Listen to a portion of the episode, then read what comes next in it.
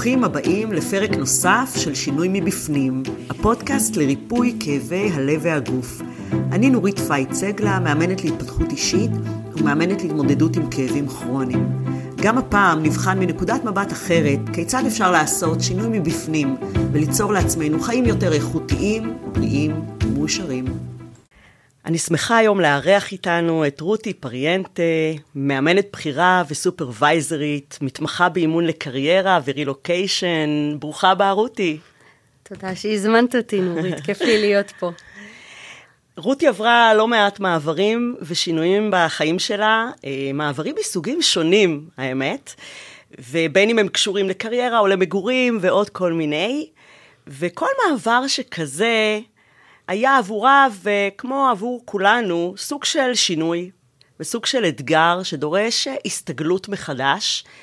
והיום אנחנו באמת נשוחח עם רותי על מעברים, על שינויים, על מה שביניהם, ונראה איך אפשר להתמודד ביתר קלות עם מעברים בחיים שלנו. אז אולי נפתח בזה שתספרי לנו בכמה מילים על המעבר הראשון שלך. אוקיי. Okay. אז אני חושבת שקודם כל העיסוק שלי בעניין הזה של מעברים, זה כי אני חושבת שמעבר זה משהו שקורה כל הזמן בחיים שלנו. אה, במשך היום שלנו, בוודאי לאורך כל התקופות של ההשתנות שלנו, של ההתבגרות שלנו, של הגדילה. אה, בתוך זה יש לנו אה, מעברי קריירה, מעברים בלחיות בתרבויות שונות או במדינות שונות בעולם, ממעברי דירה, אנחנו משתנים, אנחנו גדלים, יש לנו ילדים, יש לנו אנחנו הופכים להיות הילדים, מהילדים של לילדים, אה, להורים של. כל הזמן אנחנו בתוך איזשהו אה, מעבר, ואני חושבת שהתחלתי לשים לב לזה בדיעבד, זה כש, כשהתחלתי לחשוב בעצם על, ה, על הילדות שלי. אה, אני חושבת שהמעבר הכי משמעותי בעצם קרה בחופש הגדול שבין כיתה ז' לכיתה ח', אה, כשאבא שלי, שהיה עובד של משרד החוץ אה, ומשרד החקלאות, הודיע לנו שאנחנו נוסעים לארץ אחרת, רחוקה רחוקה באפריקה, אה, כי אבא קיבל הצעת עבודה נורא נורא מעניינת. ואני זוכרת שבהתחלה כולנו, מה זה התלהבנו, הילדים, וואו, זה תמיד נשמע כמו איזה הרפתקה, ועוד אפריקה. אה, אבל? אבל, אה, אבל זה היה נורא.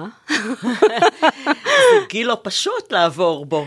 אה, זה גיל נוראי, אה, אני זה, הייתי בת 13, 14, זו תקופה בחיים שלי שהייתי מאוד מחוברת לתנועת נוער, הייתי חניכה, מדריכה לימים אחר כך בבני עקיבא, גדלתי בבית דתי, וכל המעבר הזה היה מעבר סופר חד, אוקיי?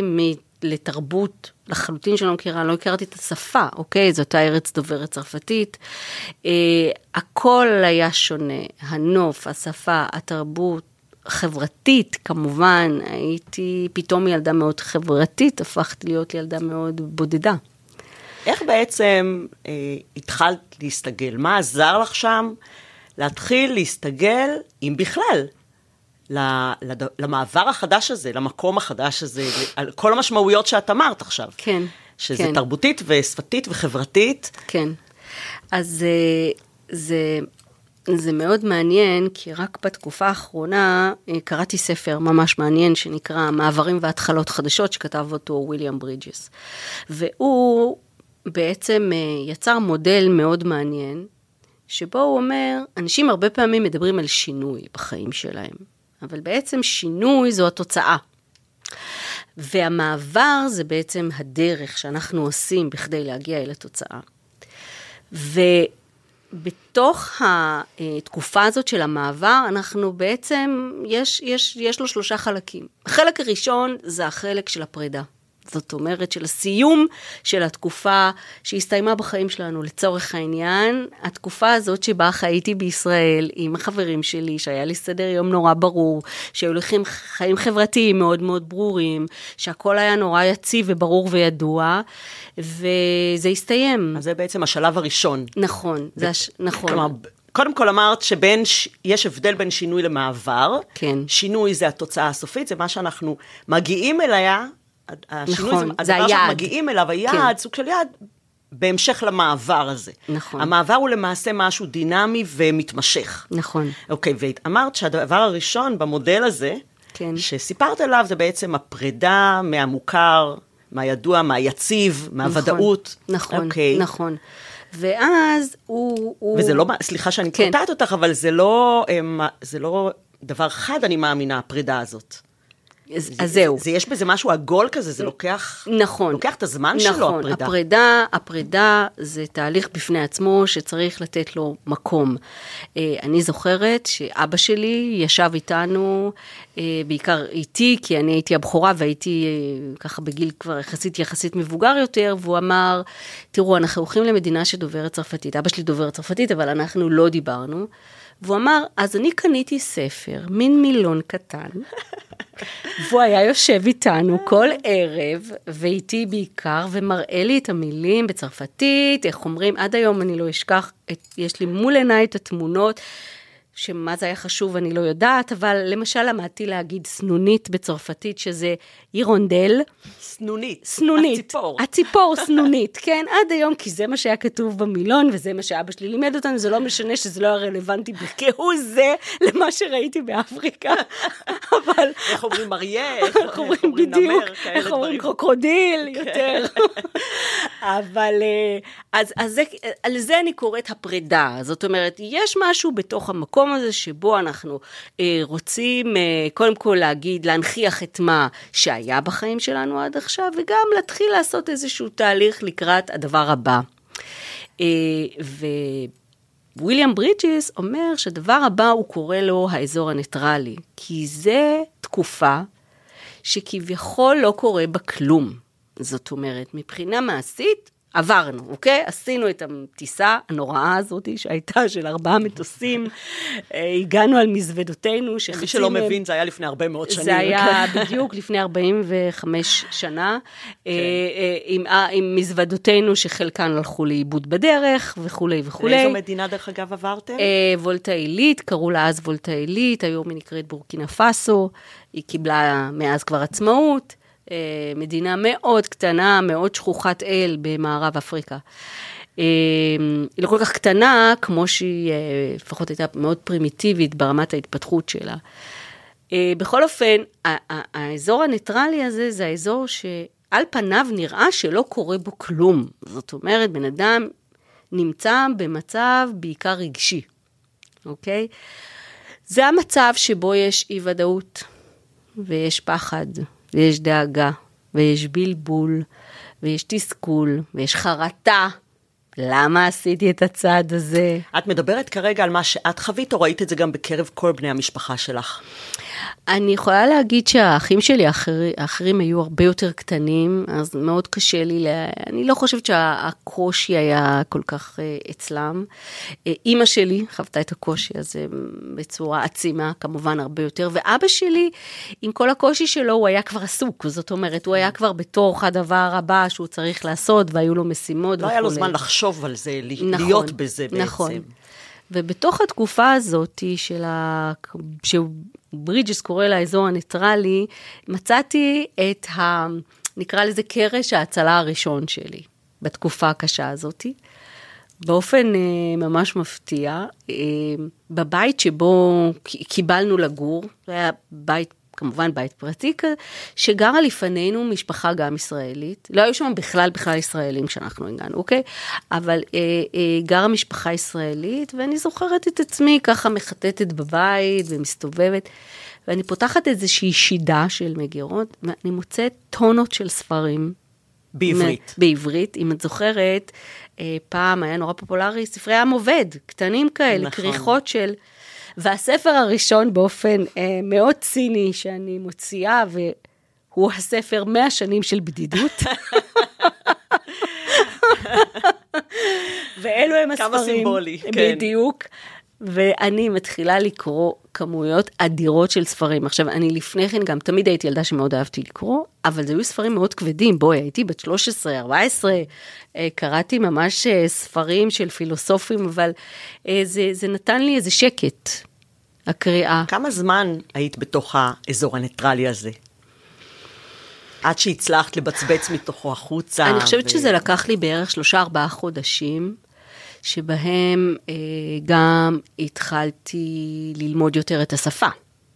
כי לא הייתה לי יכולת לייצר אינטראקציה, אף אחד מהילדים שלמדו שם, הם אה, כולם היו צרפתים, לא ידעו מילה אחת באנגלית.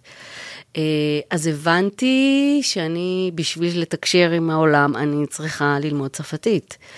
אה, אז עשיתי מאמץ אדיר, וגם הייתה לי מורה פרטית שהמורים לקחו, וישבה איתי ולמדה איתי.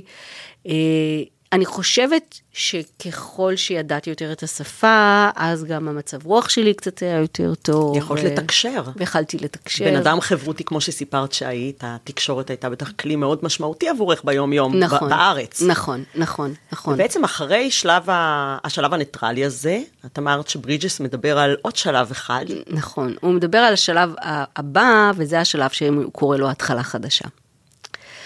וזה מעניין, את יודעת, זה מעניין, כי אני לפני כן לא ניתחתי את הסיפור שלי דרך המודל, אבל ועכשיו אני ממש עושה את זה אינטואיטיבית איתך, זה מעניין. ב live. כי, כן. בדיוק, ב live. כי ה, מה זה בעצם ההתחלה החדשה? ההתחלה החדשה בשבילי אז הייתה ההבנה שאני לא נשארת שם. וואו. זה חתיכת דבר. תסבירי את הקשר, כן. תסבירי לי בבקשה את הקשר בין המושג הזה, התחלה חדשה, לבין ההבנה שאת הולכת דווקא לסיים משהו, שרק כביכול התחלת עכשיו. נכון, ההתחלה החדשה, זה בשבילי היה היכולת לקום, ילדה בתור בת 14, ולהגיד להורים שלי, אני לא רוצה להמשיך לחיות כאן, אני אוהבת אתכם, אתם המשפחה שלי, האחים שלי פה, אבל רע לי, ולא טוב לי, ואני רוצה משהו אחר. והמשהו האחר זה, זה לחזור לחיות בישראל. זה מבחינתי היה להפוך את הסדר של העולם, ובשבילי זה היה, זה היה הריסטארט. כמה זמן לקח עד שהגעת למסקנה הזאת? אני חושבת שזה זה, אולי אה, שבעה חודשים. כלומר, בטוטל היית שם אולי קרוב לשנה. כן, אפילו פחות לא משנה. לא הספקת לחוות את המעבר, נכון. וגם לא את השינוי בעצם. נכון. השינוי היה רק, כאילו, הרגשת, טעמת קצת מהתוצאה הזאת, מהשינוי. נכון. והחלטת שזה לא בשבילך. נכון, נכון. וההורים זרמו איתך? נכון, ההורים שלי באמת היו מדהימים, שוב, אני מזכירה שזה היה לפני טריליון שנה. והיית בת 14. והייתי בת 14, והם... אני חושבת שהם ראו את הקושי העצום שלי. מילדה נורא שמחה, פתוחה, מאושרת, הפכתי להיות לילדה מאוד עצובה. אני כל יום חזרתי הביתה ובכיתי. כל יום זה כבר הפך להיות טקס באיזשהו כן. שלב, כן? אה, הצד החברתי היה סופר חשוב לי. סופר חשוב לי, והם הבינו שזה, שזה כנראה, שאני יודעת מה שאני אומרת, אני, אני ילדה שיש לה יכולת לעשות כנראה החלטות כאלה לבד, הם תמכו, ובאמת, אה, ואז הגיע המעבר הבא. זהו, זה בדיוק הדבר השני שרציתי להתייחס אליו, כאילו, ממעבר, זה היה שני מעברים מאוד מאוד סמוכים אחד לשני. נכון. אמ, ואיך זה היה בשבילך? איך היה... הייתה ההסתגלות המהירה הזאת מחדש, אה, גם קצת פרקטיות. איפה ילדה בת 14 נמצאת? נכון. שהיא חוזרת לארץ, מי משגיח עליה נכון, עכשיו? נכון, אז זה היה לחזור לגור עם סבא וסבתא שלי, שמעולם לא גרתי איתם, לא חייתי איתם. כלומר, אז עברת שוב מדינה, עברת שוב נכון. לצורת מגורים נכון. שונה מבחינת המבוגרים האחראים עלייך. נכון, נכון. זה היה הרבה הסתגלויות. נכון, בלי האחים והאחיות שלי, אני ילדה בכורה, והיא תמיד אחראית לאחים שלי, מאוד קשורים אליי, אז כבר גם את החלק הזה לא היה. אה, ואני מזכירה לך שבעצם שנה הייתי כמעט בניתוק מהחברים שלי פה. זאת אומרת, המחשבה שהייתה לי על זה שאני משאירה אותם, והם בדיוק יחכו לי באותה הדרך, באותה נקודה, התפוגגה בדקה שהגעתי לישראל, מה הבנתי. קרה שם? קודם כל הבנתי שקרו דברים.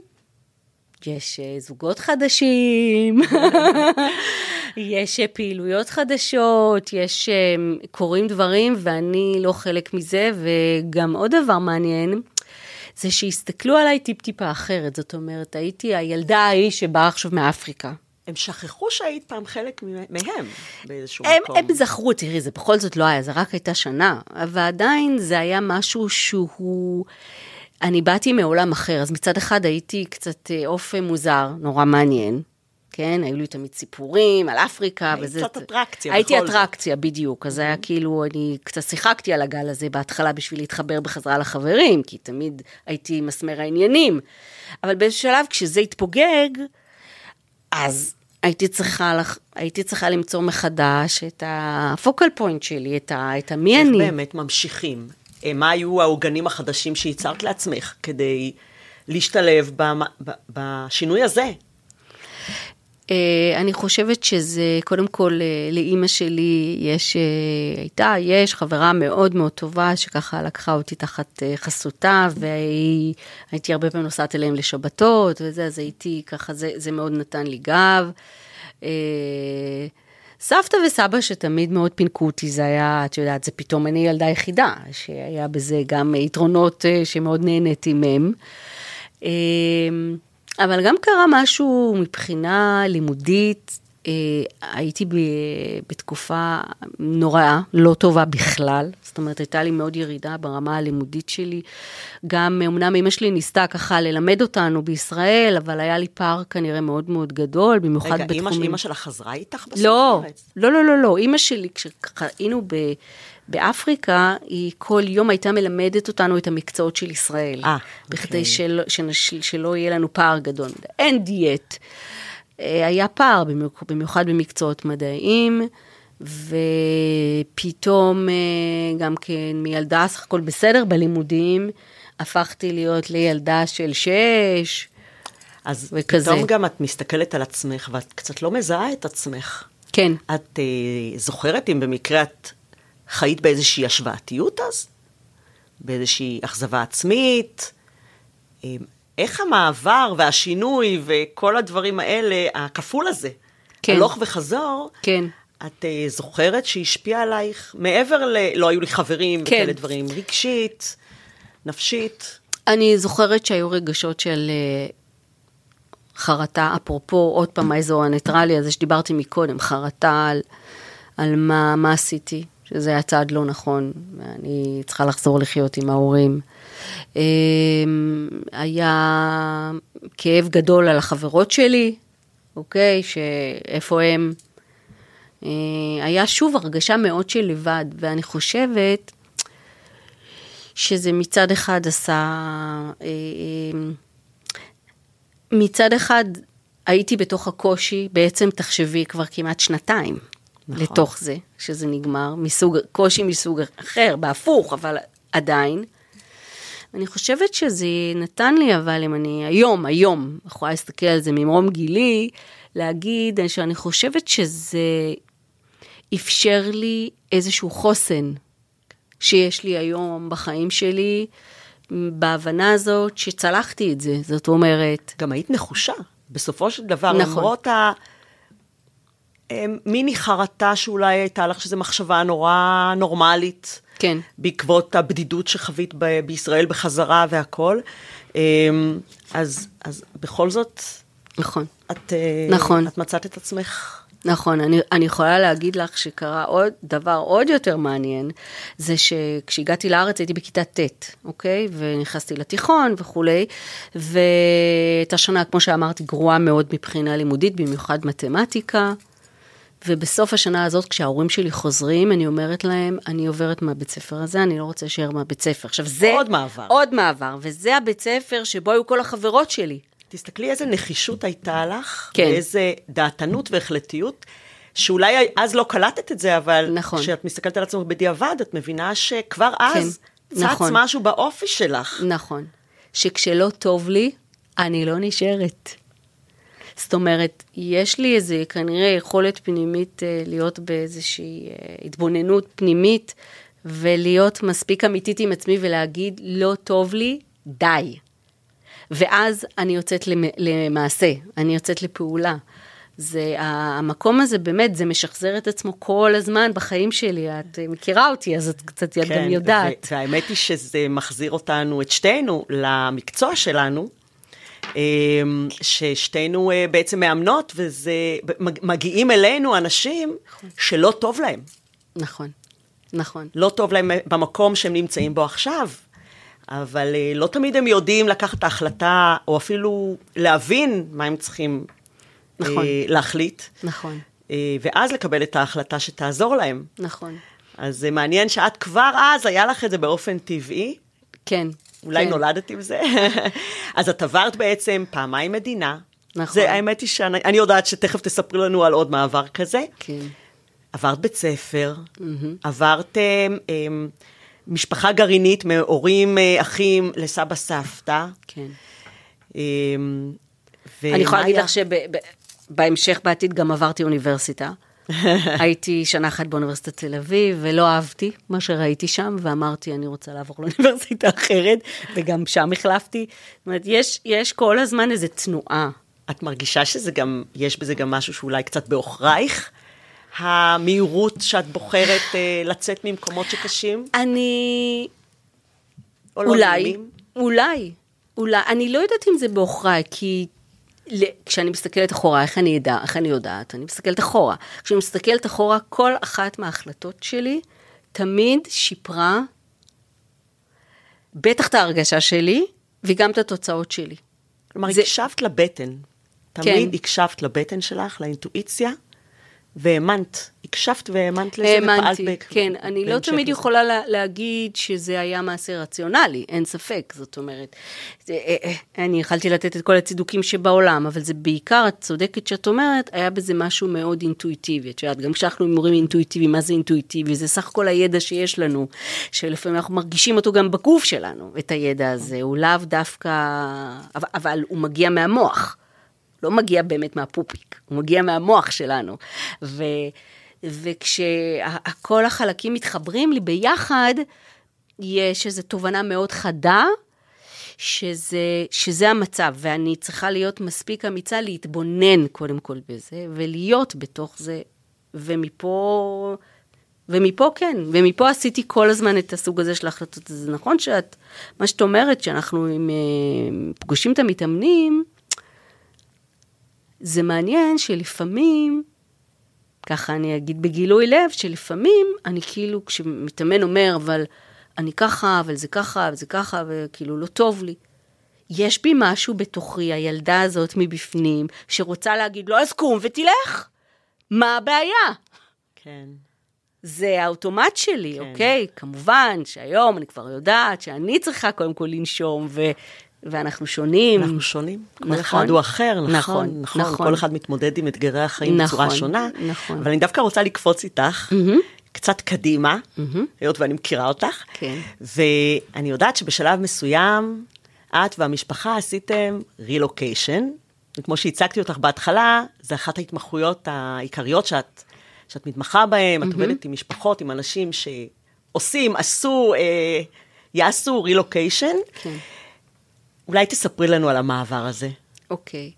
אז רילוקיישן זה מיקום מחדש. כן.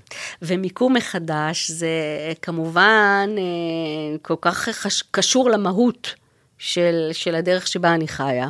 אה, כן, אז בשנות ה-90 אה, בעלי קיבל הצעה לעשות רילוקיישן לקליפורניה. כבר היו לי אז שתי ילדות מאוד קטנות. זה מעניין שהאוטומט הראשון שהיה לי כשהוא בא עם ההצעה בעלי, זה להגיד לו לא. למה? כי הזיכרון מהילדות של הקושי, של הפרידה, היה זיכרון כואב. כל שלושת השלבים ההם, שדיברת עליהם מקודם, פתאום כן. חיית אותם קצת. נכון, ו- נכון. ונבהלת באיזשהו מקום. קצת, כן, כן. ומה גרם לך להגיד כן בסוף? אה, השכל, השכל, זה היה משהו אינטואיטיבי, אה, וקודם כל שהבנתי שארצות הברית זה לא אפריקה, אה, שאני כבר לא בת 14, אני כבר באותה אישה. תקופה את עבדת בארץ? באותה תקופה עבדתי, וכבר היה לי, היה לי תפקיד מאוד מעניין בחברת הייטק, וכבר? ממש התברגתי איתו, ובדיוק הייתי בתקופה של אה, סוף חופשת הלידה שלי עם הבת השנייה שלי, וכאילו, הנה, אני חוזרת אוטוטו לשגרה ולחיים שלי, ופתאום, יאללה, עכשיו יאללה, עוד פעם, בואו ניקח את הפקלאות ונצא לדרך. אני יכולה להבין למה גם הייתה לך אה, התנגדות מהבחינה הזאת. נכון. כי זה לא רק מעבר של אה, מקום, שלזה אולי את כאילו מכירה ורגילה, אבל אה, זה מעבר של אה, קריירה, שינוי קריירה אולי אפילו. נכון, אולי אפילו לא להיות בשום קריירה. נכון. שאני שומעת על הרבה אה, משפחות שעוברות, הרבה פעמים אחד מבני הזוג, זה שלא קיבל את הצעת העבודה, די משלם מחיר נכון. תקופה מסוימת, גם אם הוא הסכים לזה, נכון. בחר בזה, לא בחר בזה, זה לא נכון. כזה פשוט, נכון. כמו שזה נשמע. נכון, אני חושבת שלנשים זה בעיקר, ה... אה, יש איזה, איזה הגדרה מאוד אכזרית בעיניי, אבל מה לעשות, היא, האמת, היא נכונה, אה, שקוראים לנו, לנשים, אני דווקא אומרת נשים, כי לרוב זה נשים, לא תמיד, לפעמים זה האישה שמקבלת את ההצעה, אבל הנשים הם ה-trailing spouse. מה זה אומר? זאת אומרת, בן הזוג הנגרר, זה בעצם ההגדרה. בן הזוג, uh, the, the, the trailing spouse syndrome, ממש קוראים לזה. אה, יש לזה ממש מונח. ממש מונח מקצועי של בן הזוג הנגרר. זה לא חייב, שלצורך זה, העניין- אולי זה הרוב נשים, אבל אנחנו יודעים שזה יכול להיות גם גברים. בוודאי, זה יכול להיות גם גברים, אני מדברת על...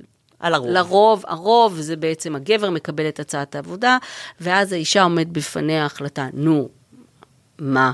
לא תבואי אחרי בעלך שקיבל הצעה נפלאה, לילדים יש הזדמנות ללמוד שפה, לראות תרבות אחרת.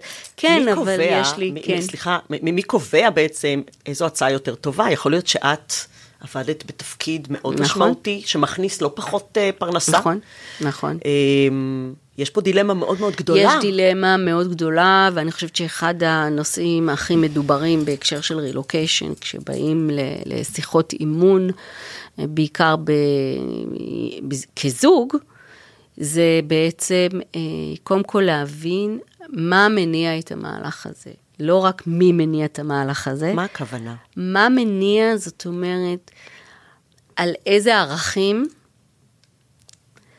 זה יושב אצל צד אחד, ועל איזה ערכים זה יוצר אצל בן הזוג. יש לך דוגמה אולי לתת? כן, אני יכולה להגיד לך שהיה לי, אה, הייתה לי היכרות דרך, קודם כל, האישה שהגיעה אליי, אה, ואמרה לי, אני נורא מתלבטת, אוקיי, בעלי קיבל הצעה, אבל הנה מה שעומד מולי אה, זה בעצם העבודה שלי והקריירה והזהות שלי וכולי וכולי.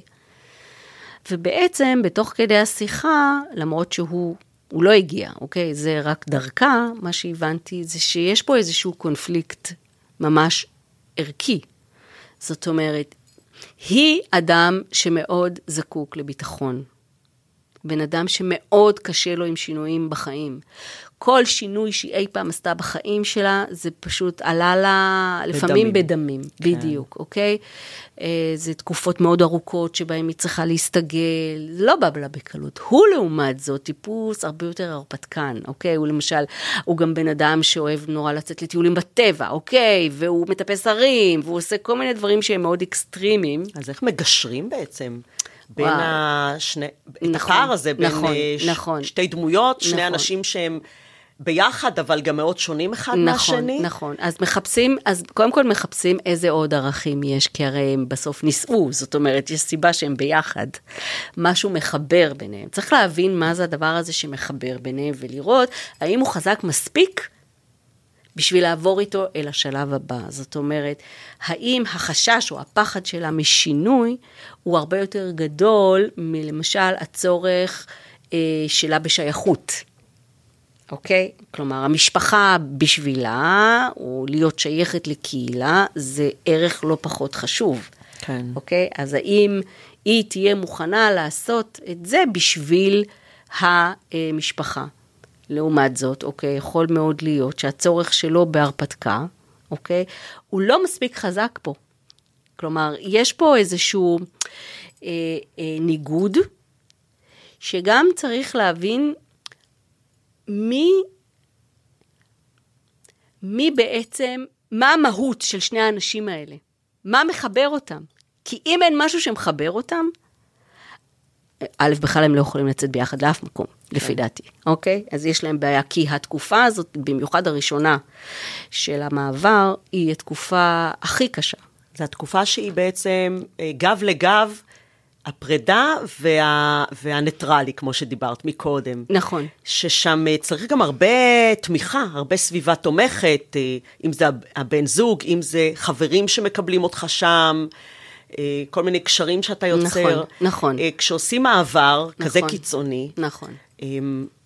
מה עוד חוץ מסביבה תומכת יכול לעזור? אז, אז א', למשל אצל, אצל, נגיד אצל האישה הזאתי, מאוד עזר לייצר ודאות. איך מייצרים ודאות בדבר כזה, אז, במעבר? תראי, אז היום, אז היום העולם הוא ממש נגיש, בסדר? זה לא מה שהיה כשאני הייתי בת 14, ואבא שלי סיפר לי על אפריקה והוא הראה לי את זה על הגלובוס. או על המפה, זה מה שידעתי. בריטניקה של פעם. בדיוק, כן. זה מה שידעתי. לא ידעתי ואיך נראה הדגל של המדינה וכמה תושבים, זה, כי זה היה האטלס. אבל היום העולם נגיש, ויש uh, זום, ויש וידאו, ואפשר לעשות גוגל מפ, ואתה יכול לדעת איפה נראה בית ספר, ואתה יכול להראות לילדים איפה, גם אם אתה עוד לא נסעת. אוקיי? לשם. אה, אז זה לייצר את הוודאות, זאת אומרת, להכיר אנשים, לייצר, אה, להיות חברים בפייסבוק של קבוצות של אנשים, שאתה הולך להיות חלק מהקהילה שלהם. לחפש עוגנים. באיזשהו מקום, זה כמעט אפילו תקופה אידיאלית, הייתי אומרת, אה, לעשות רילוקיישנים, מעברים. נכון, כי... היא אה, אה, באמת מקלה, יש הרבה, הרבה אפילו אלמנטים טכנולוגיים, נכון, שיכולים להקל על המעבר נכון, הזה. נכון, אנשים אה, ישכרו בית בלי לנסוע, בלי לנסוע. הם עשו, בווידאו הם קיבלו מהמתווך איך נראה הבית, הם דיברו עם כמה אנשים שנתנו להם שיבינו מה השכונה, איזה בתי ספר יש בשכונה וכולי. וזה מאוד, זה מאוד עוזר, במיוחד לאנשים שמאוד צריכים את הביטחון. נגיד כמוה למשל, החש... זה מאוד מאוד עוזר. אז אמרת שעוגן אחד לעזור להסתגלות במעברים, mm-hmm. זה בעצם לייצר ודאות בדרכים שונות. יש עוד דברים שחשוב שיכולים לעזור לאנשים שמתקשים. כן. אה, אה, אז זה מצחיק, כי זה כמו שאת רוצה ללכת להתחרות באיזשהו תחום בספורט, אוקיי? את צריכה להתאמן עליו קודם. זאת אומרת, את לא יכולה לרוץ. איך מתאמנים על רילוקיישן? איך מתאמנים? אז מתאמנים קודם כל על גמישות. איך עושים את זה? מה הכוונה? גמישות זה אומר, למשל, כשאת עוד פה בישראל, אוקיי? האם את בן אדם שעושה מאמץ להכיר אנשים חדשים? למשל. האם זה משהו שאפשר ללמוד אותו למשל? או שזה אה, משהו שהוא מולד? זו שאלה גם. תראי, ברור שיש אנשים שהם הרבה יותר אקסטרוורטים ויותר קל להם לפגוש אנשים חדשים ולייצר את ההיכרות הזאת. מכיוון שאנחנו יודעים שזה חלק מהעוגנים שמאוד עוזרים אחר כך ברילוקיישן. אז גם אנשים שהם יותר אינטרוברטים, אוקיי, לצורך העניין, אם הם באים לאימון, אז אני שואלת, מה כן את יכולה לעשות בתוך המסגרת של הנוחות שלך, אוקיי? איך את מכירה אנשים חדשים, אוקיי? איך, איך, לצורך העניין, היא רוצה לדעת שהילדים שלה יהיה את הבית ספר הכי טוב. היא לא נסעה לשם. אז מה את יכולה לעשות? זה דורש ממנה להיות פרואקטיבית, זה דורש ממנה להיות יוזמת, לחפש אנשים בקהילה, זה אומר שהיא צריכה לדבר עם האנשים האלה, זה לא דבר אולי שהייתה רגילה לעשות קודם. אז כבר פה יש איזשהו אימון מתוך המקום הזה. יצירת גמישות, זה על, מה שאת על, אמרת. על, בדיוק, על יצירת, אה, על יצירת גמישות, ולהיות מוכנה להיות, כן, לחיות באזור שיש בו גם אי-ודאות. זה... זה חלק מהעניין. אלה החיים שלנו. ברור. אנחנו חיים באי-ודאות, אין לנו ברור, מושג מה יהיה עוד דקה נכון, מעכשיו. נכון, נכון. אז אה, זה למשל העניין הזה של, ה, של הגמישות. אה, אני חושבת שעוד דבר זה בעצם איך, איך את, אני בכוונה מדברת בגוף אה, על נשים, בסדר? כי זה מה שאמרנו קודם, איך את מתחברת למהות שלך? כאדם.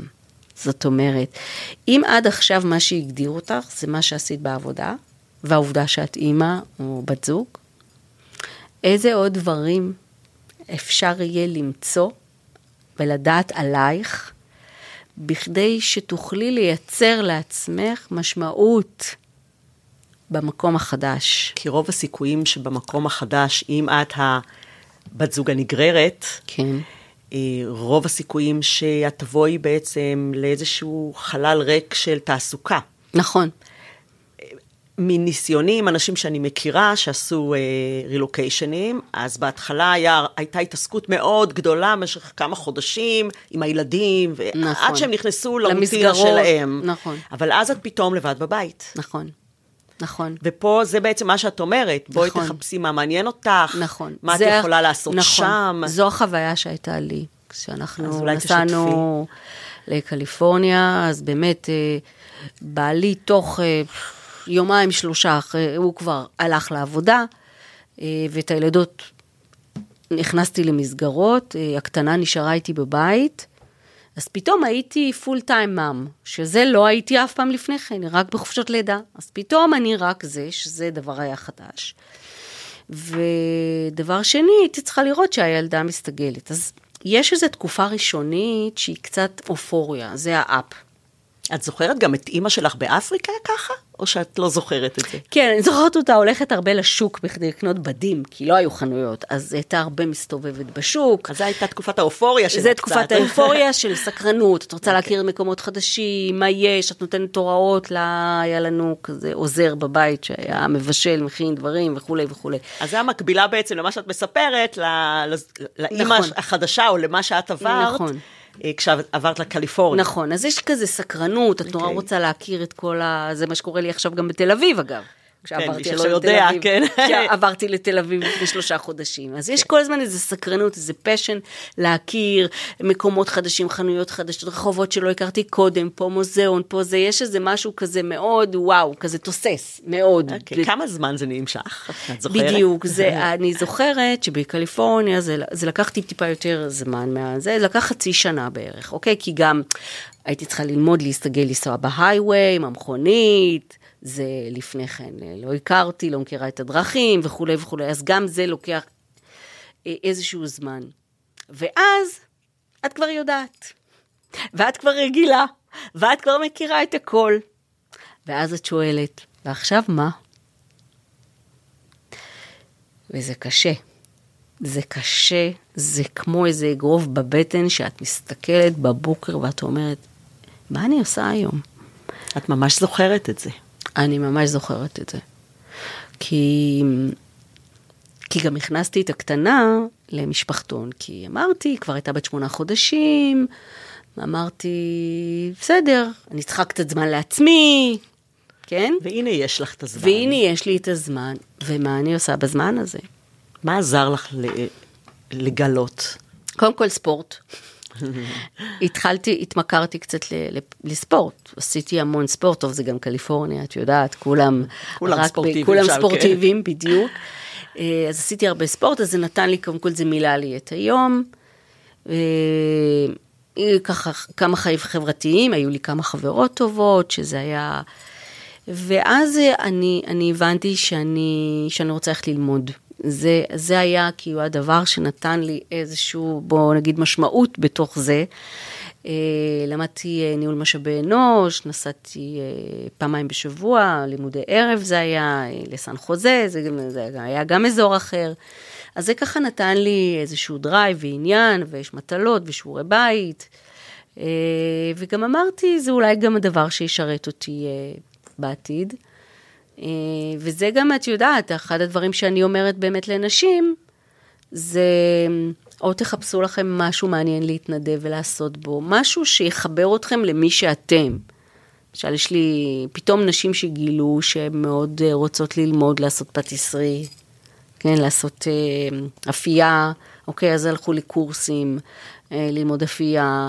כל אחת מצאה את ה... או קרמיקה, מקומות שהיא לא נתנה לעצמה את המקום הזה קודם. כי כשאת שם בעצם, הבת זוג הנגררת, אה, את לא יכולה לעבוד, אין לך רישיון עבודה בדרך כלל. נכון. ו- ואז את באמת, אה, זאת ההזדמנות שלך לעשות פאוזה. מה שאת לא יכולה בארץ, כשעבדת בחברת הייטק. נכון. וסוף נכון. סוף לתת דרור ליצירתיות שלך, לחלומות שלך. כן, נכון. זה באמת, אה, אני חושבת שהשלב הראשון זה קודם כל להבין ש... שאת לא נגררת. איך מבינים את זה? ש... יש לזה מונח, קוראים לך ככה. קוראים לך ככה, בדיוק, אבל כשאני, אם את חיה בתודעה שאת נגררת, אז את גם, אז את גם, את, הכל נגרר בתוך החיים שלך והכל קורה לך. את נכנעת למונח הזה. בדיוק. להגדרה נכנע, הזאת. בדיוק. אז זה בעצם לקחת חזרה את ה control לידיים שלך, ולהגיד, אוקיי, זאת הסיטואציה. בחרתי בה, עשיתי החלטה. טוב לי, כמה טוב לי, טוב לי עם זה כן, זה כן, מה זה מאפשר לי, אחת, שתיים, שלוש, ארבע, הגיבוש המשפחתי, הביחד, לטייל, לראות עולם, חברים חדשים, יש רשימה, היא לא דלה, יש רשימה. עכשיו בתוך זה, מה את רוצה שזה יאפשר לך מבחינה אישית, אולי גם מבחינה מקצועית? אנשים יכולים לעשות את זה לבד? את מכירה אנשים שיכולים לעשות את התהליך הפנימי הזה לבד? או שהם מתקשים תראי, בזה? אני חושבת שזה זה תלוי בבן אדם. זה תלוי בבן אדם. כי יש אנשים שהם פרואקטיביים, הם יזמים מטבעם, אוקיי? ואז אה, רע להם, אז הם קמים ואומרים, יאללה, בוא נעשה עם זה משהו. מה זה יעזור אם עכשיו אני אשב בפינה ואבכה, נכון? כמו רותי. כמו, כן, אולי. ויש אנשים ש, שזקוקים בעיקר למישהו שיגיד להם, היי, מה קורה שם? לנער אותם. וכן, צריכים קצת את הניעור, אבל זה גם הליווי, זה גם המקום הזה של ה... מישהו שיראה אותי, מישהו שיראה שקשה לי עכשיו. זה צורך. כן. מישהו שיראה, כי הרבה פעמים הבן זוג לא רואה, אגב. הוא גם עסוק מאוד. נכון, הוא עסוק מאוד, והוא והוא גם זה צריך... שמפרנס שם, נכון. וכל האחריות עליו. נכון, והוא צריך סומך להוכ- עלייך. נכון, דרך אגב, הוא והוא, סומך עלייך. נכון, והוא צריך להוכיח את עצמו גם, במקום שלו, גם הוא בתקופת מעבר. ש- שאנחנו לא תמיד אה, זוכרות נכון, את זה כשאנחנו שם. נכון, נכון, יש לו מנהלים חדשים, יש לו סביבת עבודה חדשה, אה, הוא בתרבות אחרת. פתאום הוא עובד בחברה שהיא אולי יותר אה, אמריקאית, הרבה יותר אנשים אמריקאים, יש קודים אחרים, קוד התנהגות אחר, שעות עבודה שונות, המון דברים משתנים גם עבורו. ופה ממש רואים את החשיבות לקשר הזה בין בני הזוג, כמה הוא נכון. חשוב. לגמרי. והרבה פעמים כמה העבודה לפני, למשל עם מאמנת כמוך, היא קריטית כדי לבוא מוכנים נכון. למעבר הזה. נכון, ואני חושבת שבאמת ההבנה המשותפת, אני תמיד אומרת, בן אדם בא לבן, אני אומרת, זו החלטה משותפת. כי לפעמים כשההחלטה היא לא באמת, היא כאילו משותפת, אבל בן הזוג השני באמת מרגיש שהוא נגרר, וחי גם כן ככה, אז אני לא פעם יודעת על גירושים, על פרידה, על... אה, זה טריגר. רילוקיישן זה טריגר למערכות יחסים. אה, יכול להיות טריגר טוב, ויכול להיות טריגר אה, שמוביל גם לפירוד. את אה, נתקלת גם, בטח במשפחות שחזרו חזרה מהרילוקיישן. נכון. אז קצת בהמשך ל, למה שאת עב- עברת בתור ילדה, שנסעת לחו"ל, חזרת חזרה וגילית עולם חדש, כן. אחר, שאת לא בדיוק שייכת אליו. אה, את אה, שמעת אה, גם אנשים שחוזרים נניח בארצות הברית, הריל- הרילוקיישן, או מה- מהמזרח הרחוק, שזה הרילוקיישנים כן. המפורסמים, שהם חוזרים והם עוברים איזושהי חוויה שוב קשה. בטח. זו טלטלה קשה מאוד לחזור. זה תלוי זמן, משך הזמן שחיים שם? או לאו דווקא? לאו דווקא, אני לא חושבת. כאילו, ברור שככל שהזמן הוא ארוך יותר, רילוקיישן של חמש שנים, שבע שנים, אה, הגיל של הילדים הוא פקטור מאוד משמעותי פה, גם, גם בהלוך וגם כמובן בחזור. ככל שהילדים חווים קושי גדול יותר, זה כמובן משפיע גם עלינו. אה, את יודעת, גם המצב פה לחזור לישראל כשהמצב הפוליטי הוא לא מי יודע מה, או המצב הכלכלי הוא כזה, הוא, אין ספק שזה משפיע על, ה, על, ה, על הטלטלה הזאת, ויש פה טלטלה. עכשיו, יש גם עוד איזושהי בעייתיות, וזה כשאנחנו חוזרים, הציפייה שלנו, שכולם יחכו לנו, בדיוק כמו שקרה לי.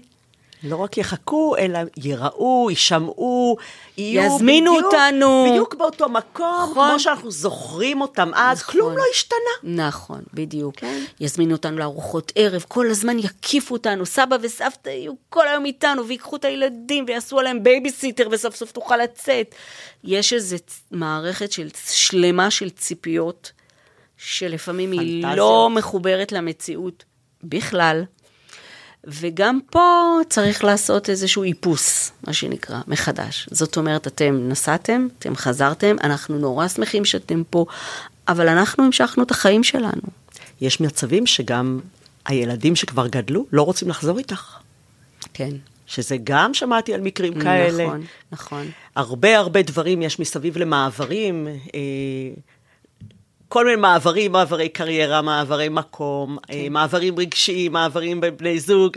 אה, אנחנו לא דיברנו על כאן היום על כל סוגי המעברים, כן. אבל אה, הזמן שלנו כבר תכף נגמר. וואו, מה זה טס לנו, זה נורית. טס לנו, כן. uh, האמת שלפני סיום, אני הייתי שמחה על איזה פיקנטריה קטנה. כן. פעם, פעם, פעם סיפרת לי סיפור נחמד באפריקה. על סוכת החצילים, אוקיי. שהיא... אנשים בטח סקרניים עכשיו, כן. שזה היה איזושהי אה, דרך של ההורים שלך לשלב אתכם. נכון. תרבות בתוך תרבות, איכשהו נכון. לנסות להסתגל, נכון. אולי ת- תסיימי אוקיי. לנו ככה עם איזה חיוך. אז זה סיפור אה, מאוד מצחיק אה, ומשעשע ונחמד, שגם לו יש איזשהו, איזשהו מוסר השכל ככה מעניין. אז כמו שאמרתי, ככה טיפ-טיפה קודם, אני באה ממשפחה דתית, אה, אבא שלי חובש כיפה, ו... וכשאנחנו נסענו מישראל, אנחנו, אבא שלי לקח איתו גם שופר, אגב, אה, ואת כל הסממנים, וסידור, וחומש, והכל, והגיע חג הסוכות, הגענו בערך בספטמבר, והגיע חג סוכות, ואבא אומר, ברור, מה זה, אנחנו לא עושים סוכה? ברור שעושים סוכה. ויש לי עד היום תמונה מאוד יפה, שאבא שלי עומד ובונה לנו סוכה בחצר של הבית, אה, ואני מזכירה שלא היו שם יהודים, לא היו שם ישראלים, מי שהיה זה המקומיים, וכמה משפחות צרפתיות שזה גרים שם. וטוב, צריך לקשט את הסוכה, אז אנחנו הילדים מצאנו כמה זה, ואז אבא שלי מביא מהמטבח אה, חצילים. אז אה, זה נורא נורא צחקנו, בסדר? וכי כמובן לא היו לנו רימונים, אז אה, אבא תלה חצילים, אבא שלי איש מאוד מאוד יצירתי. ולמחרת באו לבקר אותנו גם השכנים שלנו וחברים וזה, ואז הם בצורה מאוד מאוד רצינית הסתכלו על הסוכה ואמרו, "אה, זה משהו ממש מסורתי אצלכם לתלות חצילים, אנחנו מבינים. כמובן לא יודעים את המסורת האמיתית. בדיוק. אז, אז זה, זה סיפור על גמישות, אגב. גמישות יצירתיות, ויצירתיות וגמישות מחשבתית, ואיך אפשר לעשות חציל מתוך הרימון. כן. ושגם לא צריך להיות כל כך נוקשים, שיש מקומות בחיים שבמעברים מסוימים, שצריך קצת לעגל פינות, קצת להיות רך יותר, נכון. ולקבל את המצב, ומתוך זה להבין, אוקיי, מה אנחנו עושים בתוך המסגרת הזאת? נכון. כמו שאמרת מקודם, עם אותה אישה, איך את נכון. אה, מוצאת את הדרך שלך להיות גמישה בתוך המסגרת הקיימת? מסכימה, מקסים, מסכימה איתך. מקסים. רותי, תודה רבה, אנחנו למדנו באמת היום המון אה, ערך וידע ו- ואפילו כלים לדעתי, איך להתמודד עם אה, שינויים, אה, מעברים, למדנו ככה על שלבי המעברים. אה, לפי ברידג'ס, שזה גם השם שלו קצת אה, מעניין. כן, נכון, הגשרים. כן. נכון, ברידג'ס ברידג'ס. כותב על קשרים. כן. אמ, ואני מקווה שהמאזינים שלנו, שאולי אה, נמצאים בתוך תקופת מעבר, או עומדים לפני מעבר, אה, או אפילו כבר עשו איזה שינוי ויכולים להסתכל על מה שהם עברו, ולקבל מזה איזשהו, איזשהו, איזשהו ערך. אני שמחה, אני מקווה. כן. אני, אני רק רוצה לסיים ולהגיד שכשאנחנו בתוך המעבר, זה לפעמים, זה כמו איזה מנהרה. זה קשה, לפעמים גם אין שם אוויר. ואני אגיד אולי משהו קלישאתי, אבל בסוף של המנהרה תמיד יש אור. ואת ההוכחה, ההוכחה לכך. בדיוק, ובסוף כשאת מסתכלת אחורה, את אומרת, וואו, כמה דברים למדתי בתקופה הזאת, כמה דברים אני יכולה להגיד על עצמי ש, שזה, שזה, שזה הגדיל אותי, זה גידל אותי, התקופות האלה. אז uh, תהנו, תהנו מתקופות של מעברים, כי הם uh, סופר חשובים בעיניי. Okay. אוקיי. אז אה, אם מישהו כמובן רוצה ליצור קשר עם רותי, אני אשאיר את כל פרטי ההתקשרות בתיאור של הפרק. תודה רבה. אפשר להשיג אותה בהמון המון דרכים. אה, אז אה, שוב, אני רוצה להודות לך שהתארחת פה היום. אה, הפרק הזה הוקלט באולפני ההקלטות של ספריית בית אריאלה בתל אביב. אם היה לכם מעניין, אתם מוזמנים להירשם לפודקאסט, להתעדכן על פרקים חדשים שעולים, לשתף, להגיב. ואתם גם מוזמנים להמשיך ולעקוב אחרי התכנים שלי דרך הלינקים הנוספים שמצורפים, גם הם בתיאור של הפרק. תודה רבה שהאזנתם, ונשתמע בפרק הבא. ביי ביי.